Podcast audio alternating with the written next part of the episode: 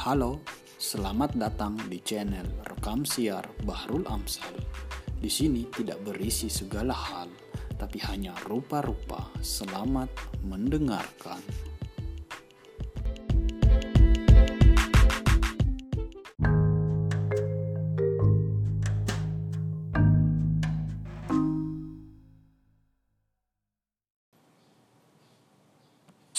Assalamualaikum warahmatullahi wabarakatuh. Selamat datang di acara didaktif, diskusi daring interaktif yang diadakan oleh Perpustakaan Supiati.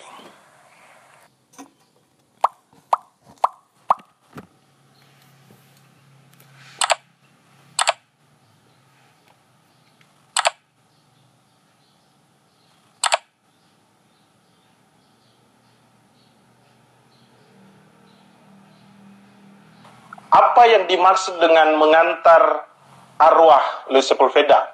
Uh, waktu dan ya, tempat saya eh, persilakan pada Siap. Jadi Tanda begini, eh, silakan Kak. pertama saya mau ucapkan dulu eh, apa namanya, eh, saya ikut ini ya ikut bahagia nih sampai bisa diundang seperti ini. Apalagi ini eh, pengalaman pertama saya menggunakan Instagram.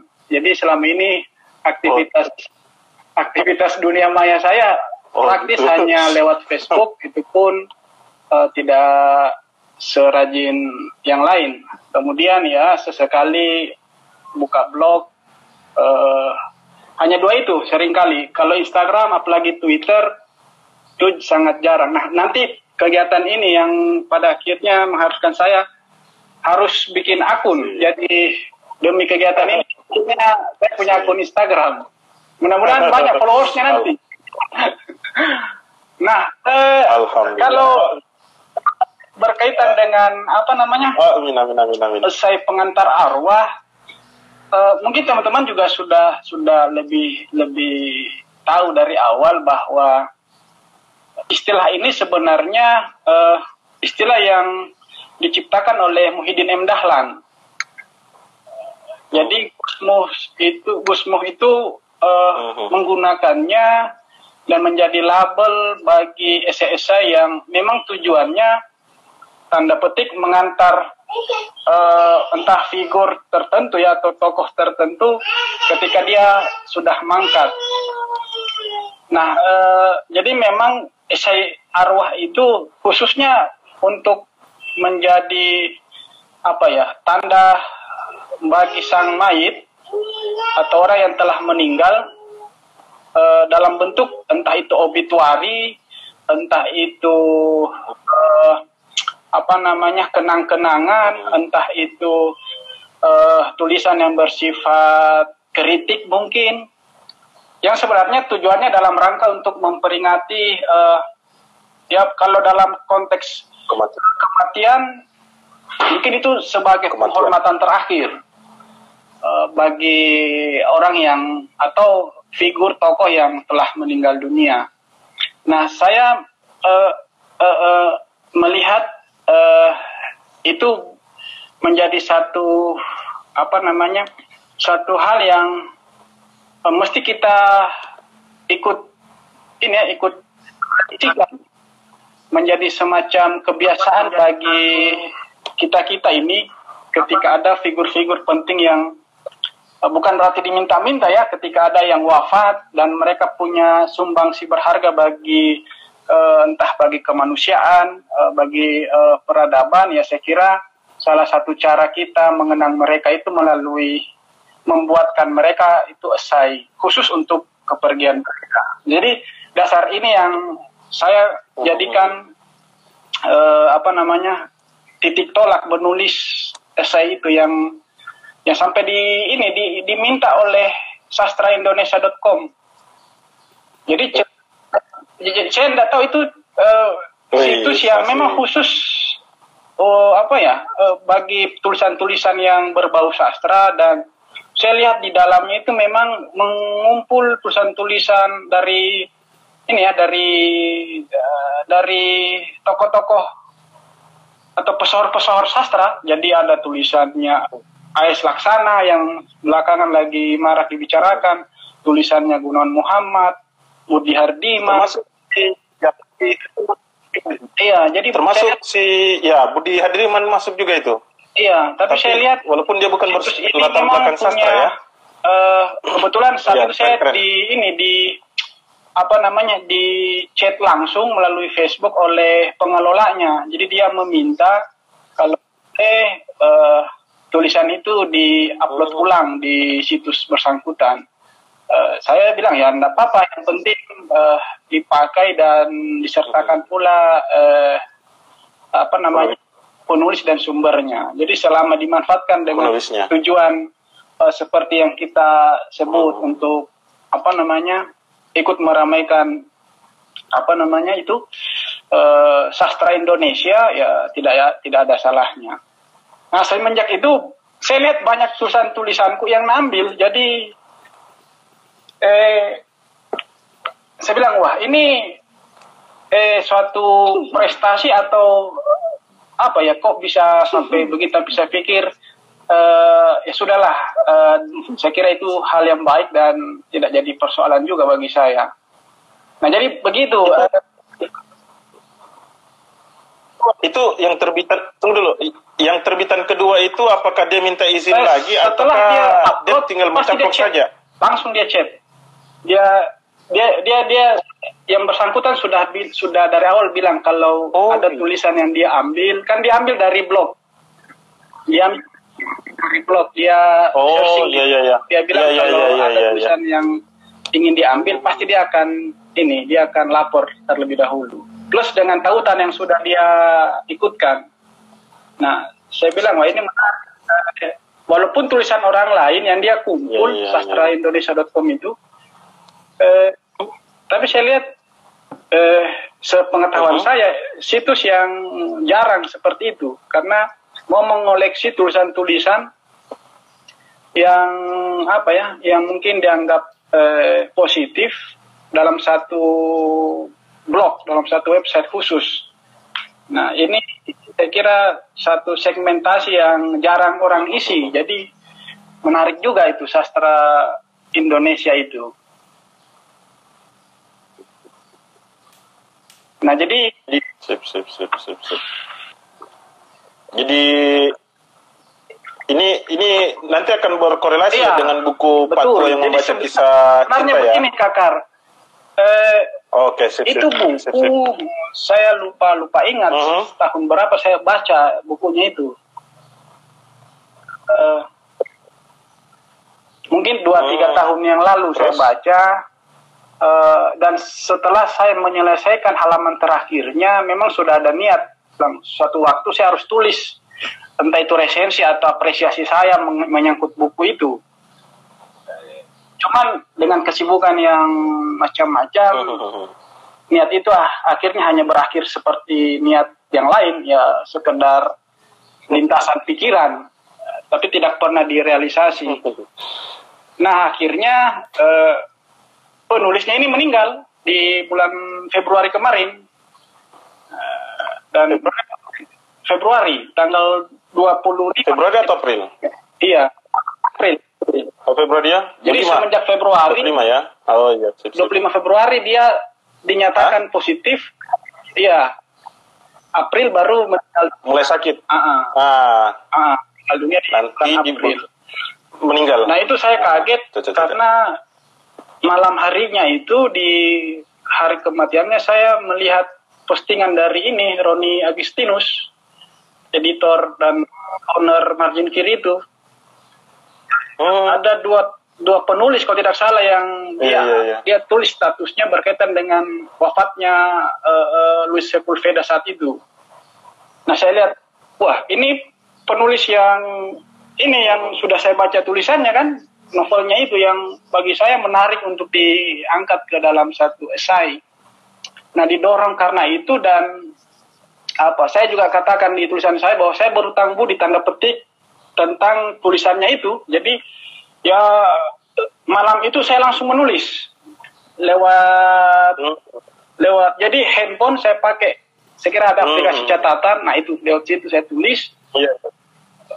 tanpa di Iya, iya, iya. tunggu lagi karena bagi Hmm. saya wah ini perlu di ini perlu di apa namanya diabadikan berkaitan dengan beliau apalagi beliau meninggal dan saya kira eh, tradisi ini bagus untuk dimulai atau di apa namanya di di digalakkan bagi kita kita ini kan ya yang selalu uh, hidup di sekitar lingkungan uh, ini teman-teman yang bergerak di dunia literasi.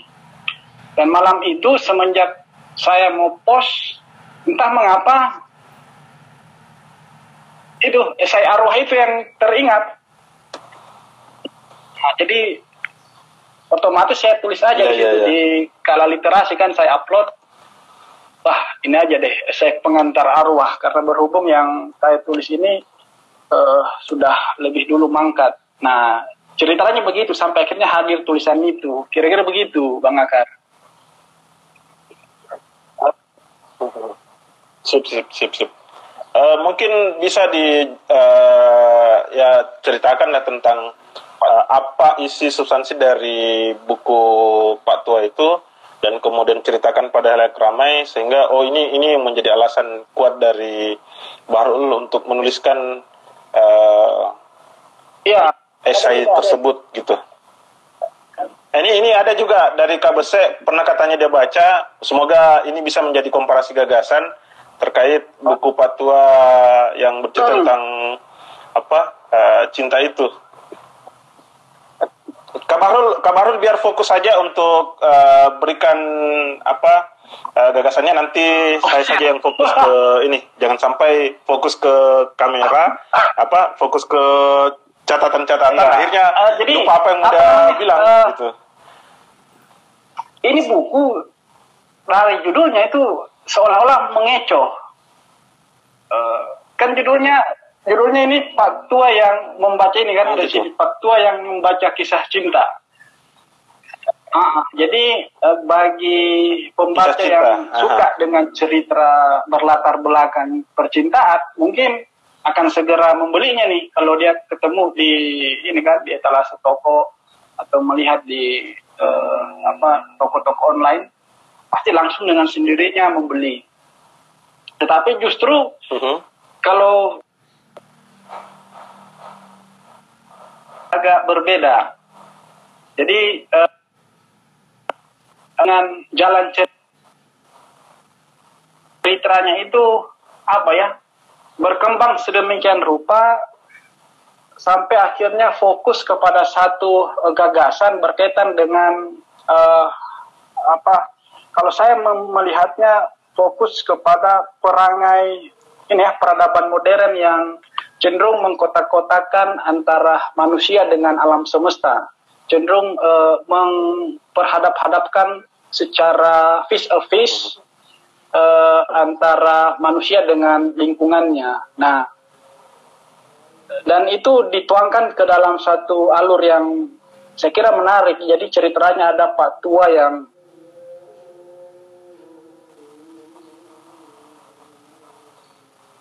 be- apa seiring waktu eh, orang-orang datang di sana, ada yang datang untuk eh, mencari emas, ada yang datang untuk membangun eh, perumahan, ada yang datang untuk menambang. eh, jadi mengundang aktivitas pertambangan yang besar-besaran sehingga pelan-pelan sungai su, apa hutan Amazon ini mengalami eksploitasi besar-besaran. Nah, di konteks itulah eh, tokoh bernama Jo- Jose Bolivar itu, Bovilar itu eh, eh, hidup. Nah, Bismillah. sembari eh, kehidupan Amazon yang pelan-pelan mulai eh, diekstraksi oleh korporasi asing, eh, satu sisi kehidupan alamiah Amazon itu mengalami ancaman serius. Nah, eh, sampai akhirnya aktivitas apa namanya itu aktivitas berburu hewan itu juga terjadi di situ. Nah, sampai akhirnya suatu waktu eh, ada seorang bule, katakanlah pendatang, eh, yang punya bang itu untuk diburu, diambil kulitnya untuk dijadikan hiasan meninggal. Jadi di, di, di, di ini ya di di apa namanya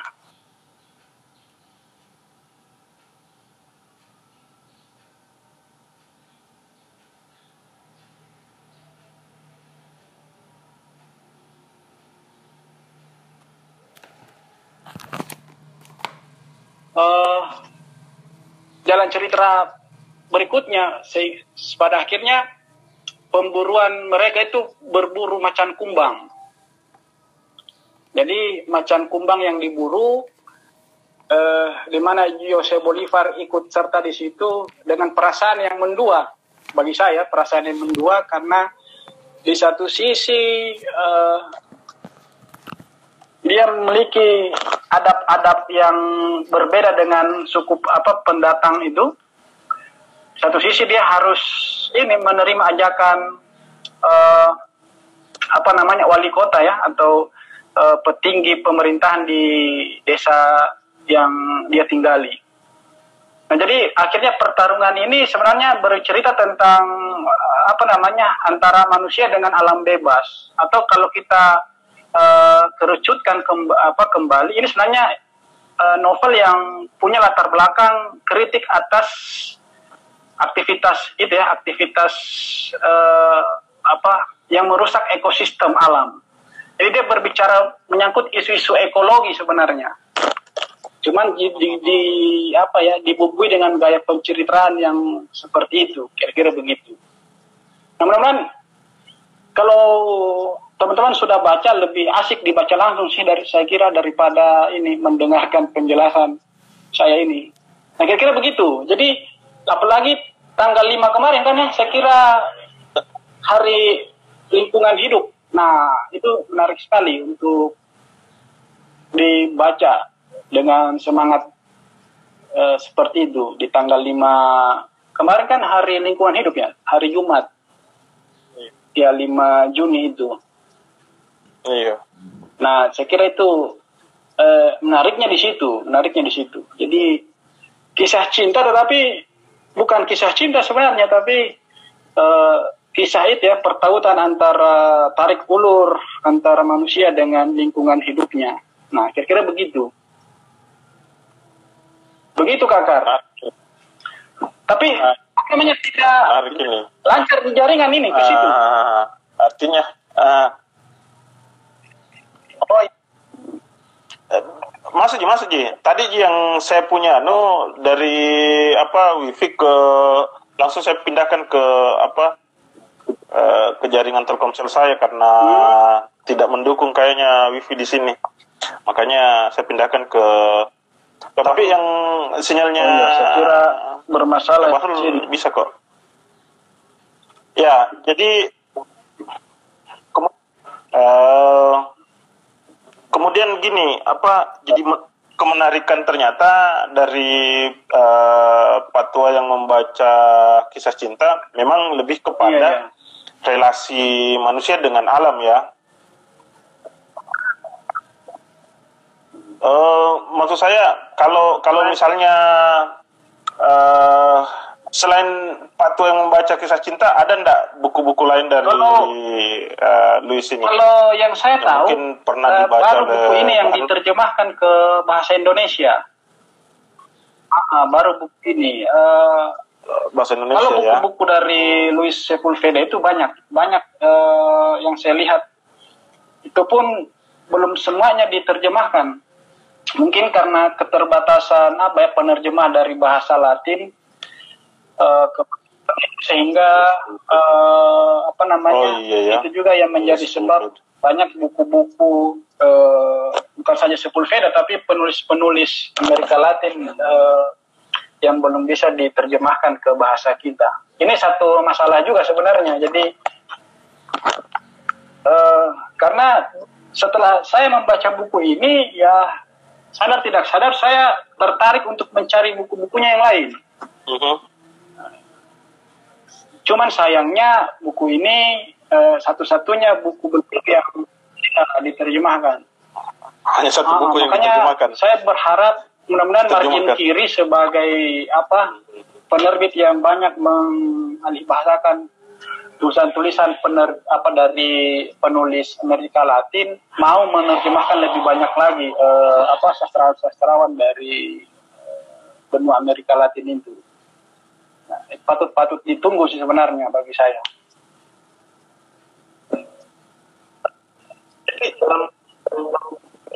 uh, jadi dalam dalam buku ini apakah bercerita tentang kisah cinta? Jadi kalau tadi kan uh, fokus substansi dari buku itu pertautan cinta yang dimaksudkan adalah alam dengan manusia.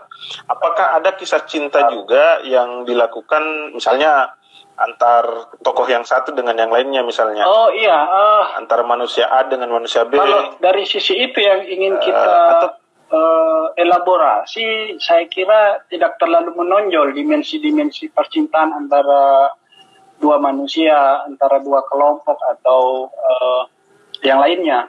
Tetapi kalau mau kita uh, sebut itu adalah kisah percintaan, itu pun sebenarnya uh, lebih kepada kisah yang tragis, uh, terutama uh, ditunjukkan oleh ini uh, si Pak Tua itu ya dengan istrinya itu Uh, jadi cerita ya mereka ini kemudian akhirnya merantau ke pedalaman Amazon dan belum lama hidup di tengah hutan. Jadi diibaratkan orang yang melakukan transmigrasi. Jadi menemukan lahan hmm. lahan lahan atau rimba raya. Hmm. Jadi mereka membangun rumah di situ, kehidupannya di situ. Tidak lama dan belum mampu beradaptasi dengan baik sementara pengetahuan mereka tentang alam juga minim banyak penduduk awal itu mati di ini di diserbu binatang-binatang buas eh, nah istrinya ini akhirnya mau tidak mau karena malaria akhirnya meninggal nah kisah ini kalau disebut kisah percintaan akhirnya itu uh, apa namanya? Akhirnya harus berakhir tragis. Dan itu yang kalau saya melihatnya yang membuat kisah Pak Tua ini uh, jadi lebih menarik. Karena pasca itu dia dia hidup hidup ini mengalami transformasi gaya hidup dari konteks dia sebagai uh, orang yang berpaham Katolik itu akhirnya hidup dengan cara suku, rimba Nah setelah dia bertemu dengan apa suku Suar, suku pedalaman asli Amazon, nah, dia mulai uh, mulai hidup. Uh, jadi hidupnya itu tidak pakai baju, tidak pakai sendal, hidup ala suku-suku pedalaman. Dan bagi saya itu barangkali satu uh, metafor ya, uh, kalau bisa dibilang demikian, berkaitan dengan bagaimana dia sebagai uh, apa figur baru itu mencintai alamnya dengan cara seperti itu. Jadi uh, kalau bisa disebut kisah cinta, nah itulah barangkali uh, tandanya. Jadi bagaimana lingkungan hidupnya itu menjadi apa menjadi kekasih dalam pengertian ini sehingga uh, membuat bukan alam yang menyesuaikan diri dengan kita, tapi kita yang menyesuaikan diri dengan alam lingkungan dengan lingkungan hidup kita. Nah ini bagi saya uh, sedikit banyak adalah logika cinta gitu. Jadi kan logika cinta itu bukan kita yang seharusnya uh, memaksakan ego kan ya, tapi kita yang uh, apa itu? Uh, mencoba untuk ya mencoba untuk memahami kekasih kita. Mencoba untuk nah, kalau anak-anak ini biasanya ya. apa itu? Uh, meleburkan dua ego menjadi kita. Akhirnya kita kalau teman sering kali iya, iya. oh, dia, oh. nah ini yang tidak dirasakan barangkali muhajir kemarin itu. Dia belum menemukan uh, oh, akhirnya harus jomblo. Gitu, jomblo seumur hidup. Bukan jomblo seumur hidup ya. Sementara anda tahu bukan seumur hidup. Eh, masih uh, kita sebutlah itu ya. pilihannya. Uh, itu pilihannya. Uh, yang menjadi persoalan uh, kan kita tahu bahwa ketika dia mendapatkan satu tempat ya, disebutkan tadi proses transmigrasi yang dilakukan oleh Patua hmm. itu bersama istrinya dan kemudian istrinya meninggal. Kan gitu. Uh, apakah uh, sempat uh, terbersih di pikiran dari Pak Tua uh, melakukan kebencian terhadap alam itu disebabkan karena istrinya meninggal yang ternyata uh, konteks alam itu tidak cocok berdasarkan iya. kesehatan uh, sang istri. Jadi begini, uh, ada satu gitu fragmen cerita yang saya kira menarik juga uh, untuk di uh, uh, berkaitan dengan suatu kebiasaan uh, suku-suku pedalaman di dalam memperlakukan perempuan. Uh, uh-huh. Di di buku ini saya kira ikut menceritakan satu kebiasaan suku-suku pedalaman ketika uh, memperlakukan dengan cara yang aneh bagi perempuan-perempuan yang ini ya yang melakukan apa yang mengalami menstruasi. Jadi kalau perempuan sungai Amazon di, di pedalaman Amazon oh. itu seperti juga diceritakan di buku ini ada kalau teman-teman membaca buku margin kiri yang lain uh, yang berjudul apa namanya sapi uh, babi uh, dan tukang sihir itu nah itu oh, ya, babi. di situ ya, ya, ya. kalau perempuan-perempuan hmm, uh, sungai Amazon mengalami menstruasi itu sama seperti yang mungkin pernah dialami oleh perempuan-perempuan tradisional itu dikucilkan, dia dipisahkan hidup jauh dari uh, komunitasnya, jauh di dalam hutan dan dibiarkan sendiri uh, dan dan anehnya ada dibuatkan semacam kandang-kandang, jadi semacam rumah, semacam rumah dan di, diungsikan sementara ke situ ya. karena dianggap uh, aib, dianggap uh, najis dianggap bahkan dianggap dosa uh, dan uh, pengalaman ini uh, juga sedikit banyak dialami oleh istri ini istri uh, si Pak Tua ini Jose Bolivar itu. Uh -uh. Uh, ditambah uh, istri yang uh, dia nikahi bertahun-tahun tidak memiliki dan tidak mampu uh, melahirkan anak. Uh, uh, saya kira oh, uh, ini aib bagi apa bagi suku-suku ya uh, pedalaman Amazon di mana ada pandangan uh, keberlangsungan komunitas itu uh, dilihat dengan cara bahwa semakin banyak keturunan itu semakin memperkuat komunitas. Uh, jadi fungsi perempuan itu kan di satu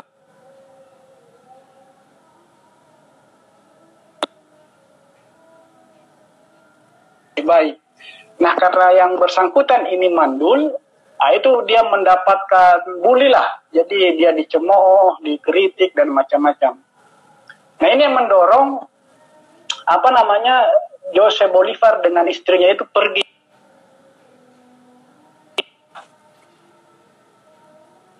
Bolivar ini punya kecenderungan membenci uh, alam uh, di di yang saya temukan tidak demikian. Uh, justru apa ya yang dia uh, jadikan sasaran tanda petik kebencian itu adalah itu tadi uh, tipe masyarakat yang uh, uh, secara tidak langsung uh, ikut ini ya ikut membuli istrinya itu yang tidak bisa melahirkan kemudian uh, apa bertahun-tahun itu hidup mandul dan semacam dan semacam nah itu yang yang saya kira uh, fragmen penting juga yang yang digali yang bisa kita apa lihat lebih jauh di novel Louis Sepulveda ini. Begitu kakak.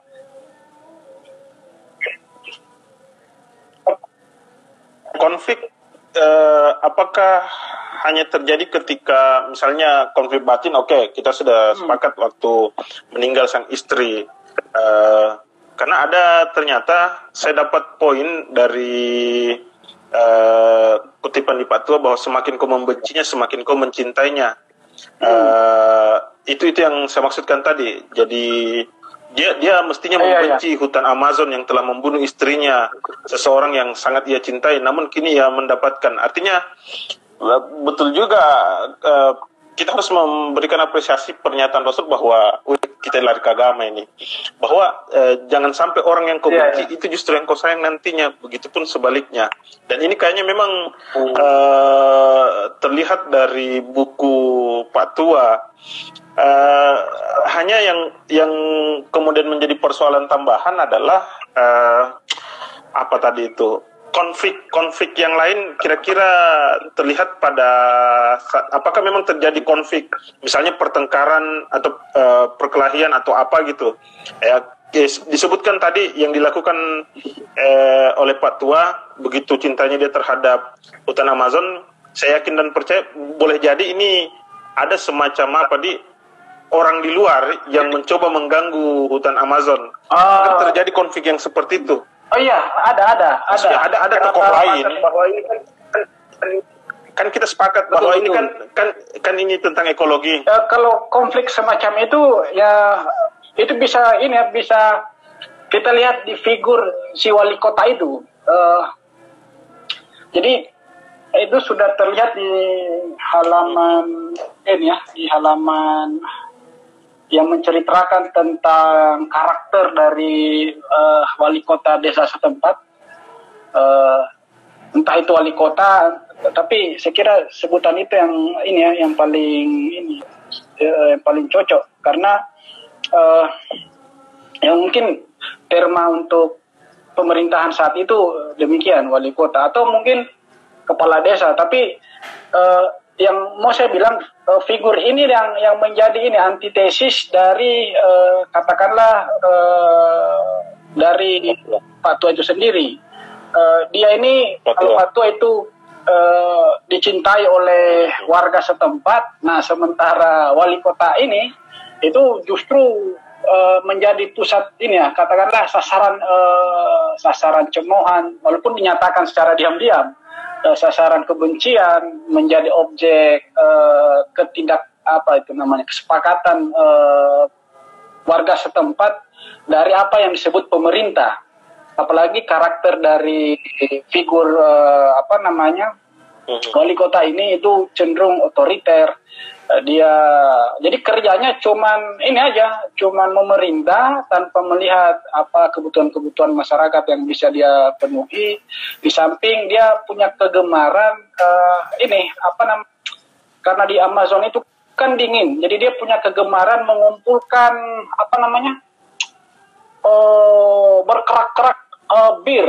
Uh, jadi uh, dengan alasan dia tidak menyenangi minuman keras khas Amazon yang tidak ses, tidak se, apa tidak sesuai dengan lidahnya. Jadi uh, dia, uh, jadi dia memonopoli semua itu. Jadi uh, jadi coba bayangkan uh, satu desa terpencil di Sungai Amazon uh, yang terisolasi katakanlah demikian dari kehidupan luar Uh, dan kebutuhan-kebutuhan logistik itu hanya datang ke desa itu dalam masa rentang enam bulan sekali.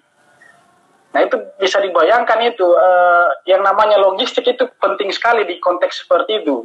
Jadi enam bulan sekali aja itu masuk uh, aktivitas katakanlah pasar, aktivitas pengiriman logistik melalui kapal-kapal air yang apa namanya yang melintas di sungai-sungai Amazon yang bisa saja membusuk di tengah jalan akibat cuaca yang tidak menentu. Nah, logistik di konteks itu penting sekali. Nah, uh, wali kota ini ini memang digambar eh, apa eh, digambarkan oleh Luis Sepulveda saya kira watak dari kelas penguasa itu seperti itu. Jadi suka memonopoli, suka otoriter. Uh, bahkan kalau teman-teman membaca ketika ke, apa tiba di di di fragmen ketika uh, mayat Cibule itu dibawa ke perkampungan mereka uh, jadi kepala atau wali kota ini ibaratnya jadi orang yang paling sota-sota. Jadi dia menyimpulkan tanpa penyelidikan jauh bahwa yang meninggal ini ditembak bukan karena macan kumbang.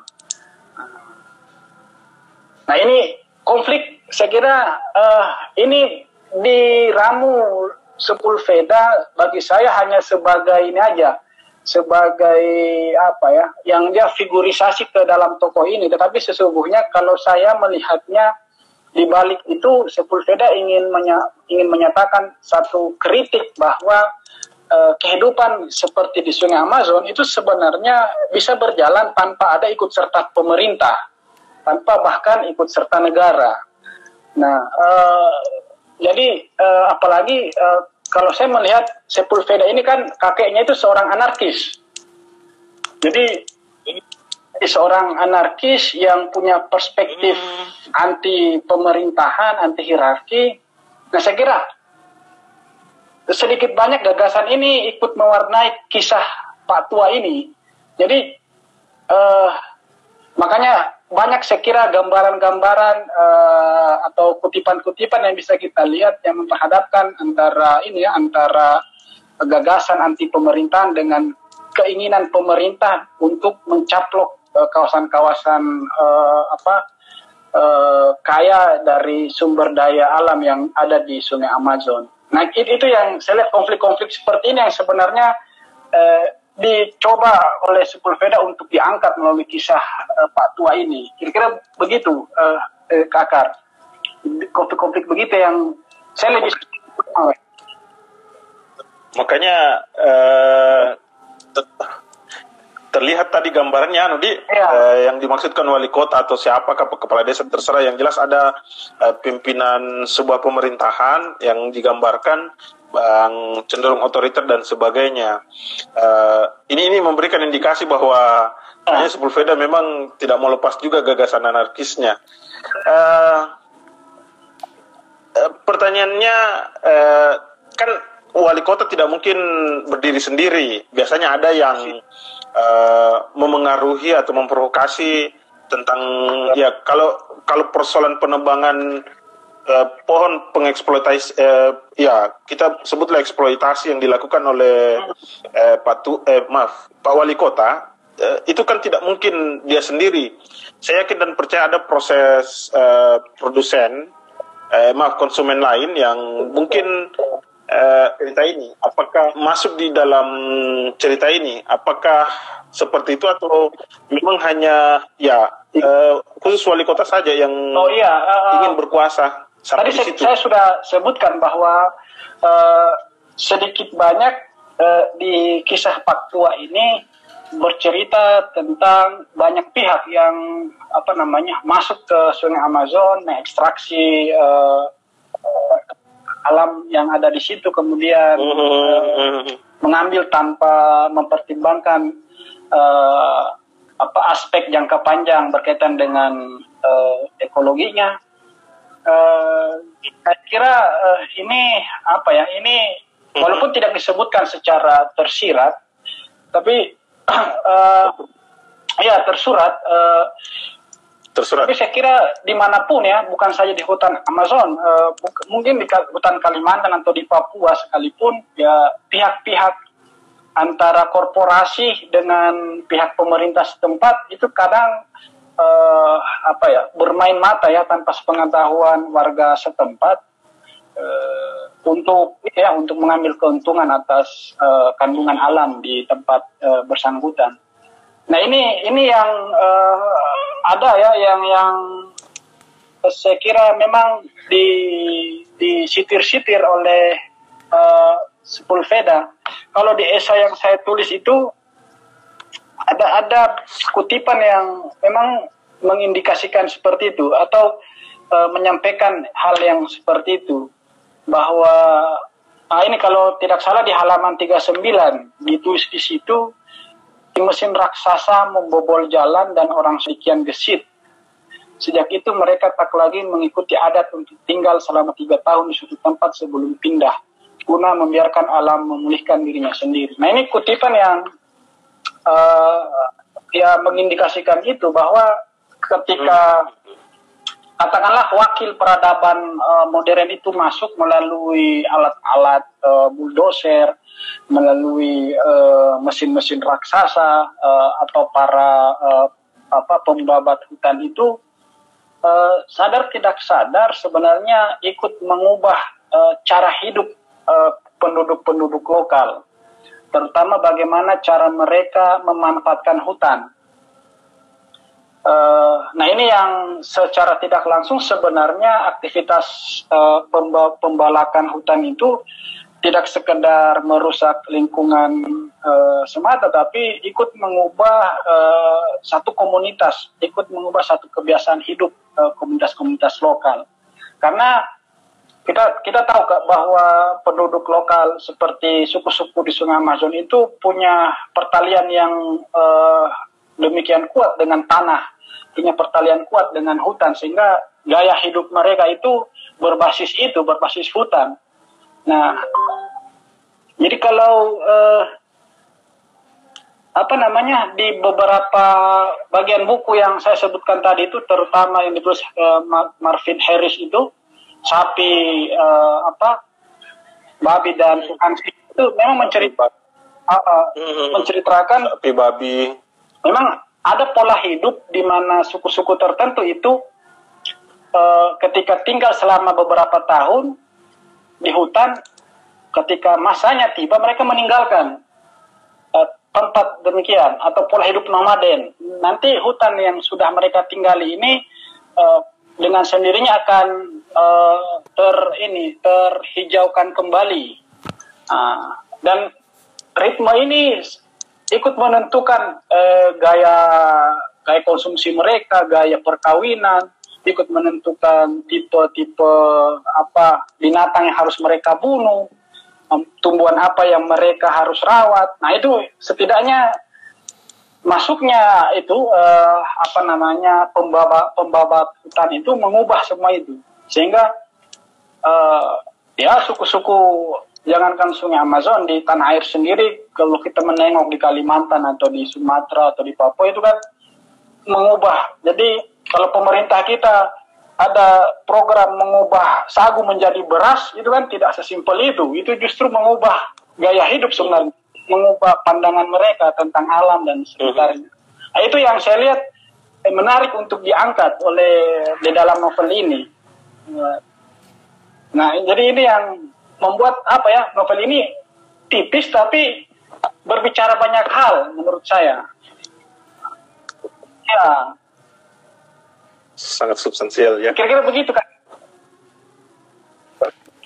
Uh, Bahrul, um, ini ini ada ada yang menarik di tulisan NT tentang Pak Tua menangis sebab ia tahu yang menang bukanlah dirinya, macan yang mati terbunuh setelah juga diburu orang-orang uh, berkulit putih. Artinya memang gangguan uh, posisi uh, apakah sempat terlintas di benak uh, masyarakat untuk melakukan uh, apa ya kita sebut pemberontakan gitu terhadap uh, hmm. pemerintahannya dalam hal ini wali kota yang kita sebut wali kota lah uh, sempat tidak terlintas di pikiran mereka? Ya artinya kan uh, kalau memang Sepulveda ada bumbu-bumbu anarkismenya uh, pasti ada juga uh, apa gagasan-gagasan untuk uh, memberikan gambaran bagaimana masyarakat melakukan pemberontakan terhadap pemerintahan yang cenderung misalnya otoriter uh, dan oh. sebagainya. Atau tidak ada enggak pokoknya karakter wali kota begitu teruslah iya. e, cuma dia di cerita belakang istilahnya tuh di cerita belakang oleh masyarakatnya bahwa ah ini kejam ini iya, uh, dan sebagainya ya? saya, gimana itu saya, uh, saya tertarik nih sama wali kotanya saya kira ini uh, taraf kesadaran seperti itu tidak tidak begitu muncul di ini di novel ini untuk membangun semacam apa namanya melihat perlawanan berbasis kelompok berbasis komunitas kepada wali kotanya itu tidak ada yang ada masih bersih apa ya toh kalau itu disebut perlawanan ya hanya bersifat uh, individual yang diutarakan melalui ini ya gerundelan melalui kejengkelan itu pun diungkapkan dengan itu dengan sembunyi-sembunyi jadi belum terang-terangan hmm. uh, saya melihat hmm. ini barangkali satu ini ya satu tipikal uh, kedalaman dalam hal uh, mengungkapkan uh, perlawanan mereka itu tidak dengan cara demonstratif jadi uh, apa ya yang mungkin ada hubungannya dengan konteks pendidikan, dengan uh, gagasan, dengan pikiran yang diedukasi melalui uh, apa lewat apa yang disebut pendidikan itu. Jadi uh, berbeda dengan kalau kita mungkin teman-teman di sini pernah menonton uh, Burning Season yang apa namanya ditokohi oleh Chico Mendes itu. Hmm. Ah, itu kan eh, di hutan Amazon juga itu kan. Hmm. eh, ah, yang melawan uh, pemba pemba Iya, iya. akan hutan kemudian dia apa Banyak- banyak ketika tiba suatu waktu ingin ditebang mereka bergerombol datang memeluk pohon masing-masing. Nah itu belum ada seperti itu di apa di di novel ini. Jadi eh, nyaris eh, tapi saya bisa mengerti sebenarnya itu yang kalau menurut saya pribadi itu yang yang menjadi apa ya hidden agenda dari novel ini Eh, begitu. Eh, walaupun kisahnya ini bercerita tentang memburu macan kumbang hidup yang sebenarnya eh, apa ya bagi saya makanya tadi eh, sempat dibacakan ketika dia eh, apa namanya meni apa membunuh macan kumbang itu bukan bukan kemenangan yang dia sebenarnya rasakan justru sebaliknya. Karena bagi eh, eh, saya, saya yang saya tahu di masyarakat pedalaman itu hewan-hewan seperti itu dikeramatkan atau tumbuhan-tumbuhan atau tanaman-tanaman tertentu itu punya posisi khusus eh, dalam hierarki kosmologi mereka. Sehingga membunuh macan itu sama halnya dengan apa namanya eh, apa ya kalau dalam agama kita sama halnya melecehkan alam alam apa ya bahkan melecehkan Tuhan itu sendiri. Nah, jadi macan kumbang itu kan eh, hewan yang eksotik, hewan yang melambangkan melambangkan apa ya? Sampai ada kepala-kepala Hmm. suku yang menggunakan topi atau apa berda- dari kepala-kepala macan itu. Itu kan simbol-simbol hewan-hewan tertentu. sama sama sama dengan iya sama dengan misalnya di Thailand eh, gajah misalnya dia sangat Ah, termasuk yang betul. diceritakan tadi itu sapi babi dan apa tukang sihir itu kan itu Betul. digambarkan di situ tentang bagaimana Betul. mereka menyakralkan eh, Ah, binatang-binatang di tertentu ya pedalaman. di Jadi Amazon pun demikian kematian Hmm, sip, sip, sip, sip. kematian eh, macan kumbang itu tanda telah itu telah telah apa ya dimulainya suatu masa itu ya pemba- pembalakan besar-besaran eh, hutan Amazon yang saya kira sampai hari ini ya tengah terjadi begitu. Jadi matinya macan kumbang itu berarti ya terancamnya lingkungan hidup ekosistem itu sendiri begitu. Nah, itu yang eh, eh, yang makanya makanya saya tulis ketika Pak Tua berhasil membunuh hewan bersangkutan bukan dia bangga dan tidak justru ini dia dilema. Iya. tidak membunuh macan kumbang mengancam kehidupan warga desa. Membunuh macan kumbang itu berarti menghilangkan satu mata rantai dalam struktur itu ya hierarki apa itu? Dalam ilmu biologi eh, struktur eh, rantai makanan sehingga itu kan bakal mengubah usaha yang sudah terjadi bertahun-tahun ber, berabad-abad di dalam hutan Amazon. Nah itu yang eh, itu yang yang saya lihat dalam itu sehingga eh, ya patut disayangkan kalau kalau kita di sini kan apa ya ya karena karena kali lawar dimakan akhirnya eh, kita mendapatkan itu ya tanda petik bala alam semesta ini ya kira-kira begitu.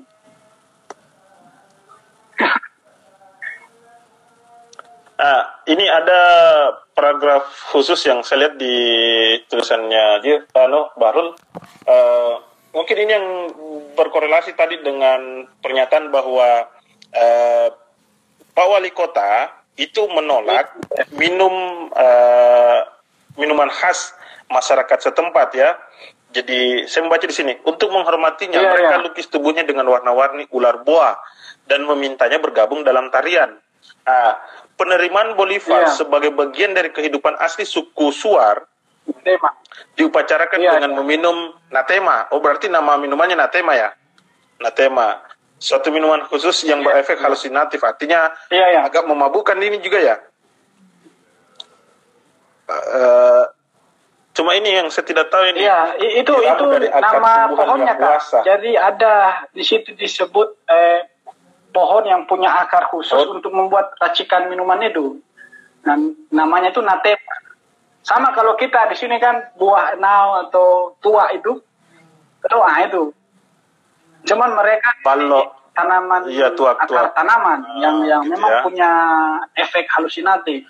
Bukan sekedar mabuk, tapi halusinatif.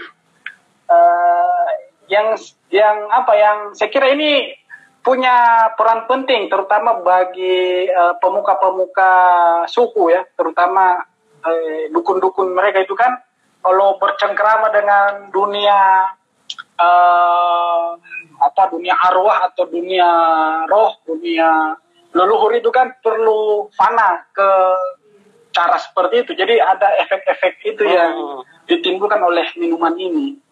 Nah, kalau kita orang-orang yang akrab dengan agama, kita katakan ya mungkin itulah fase pertemuan eh, apa, dimensi spiritualitas. Nah, Iya iya iya. Nah, iya, itu iya. yang itu yang di, Ya, Mas. dipakai di dalam apa di dalam perjamuan itu. Menurut saya minuman seperti itu ketika dia menandai peralihan hidup atau diterimanya Jose Bolivar menjadi apa eh, itu menjadi masyarakat asli. Artinya ini sudah subtil sekali sampai mengikutkan satu minuman yang khas sekali dari suku suku suar itu. Iya, Menarik juga patut ini. dicoba itu kak. Kalau ada ya, minumannya. kiranya bisa dicoba-coba juga itu. bisa Andi jadi tapi masalahnya konteks Iya. eh, daerah juga berpengaruh karena hutan Amazon kan dingin jadi memang cocok untuk kondisi di sana.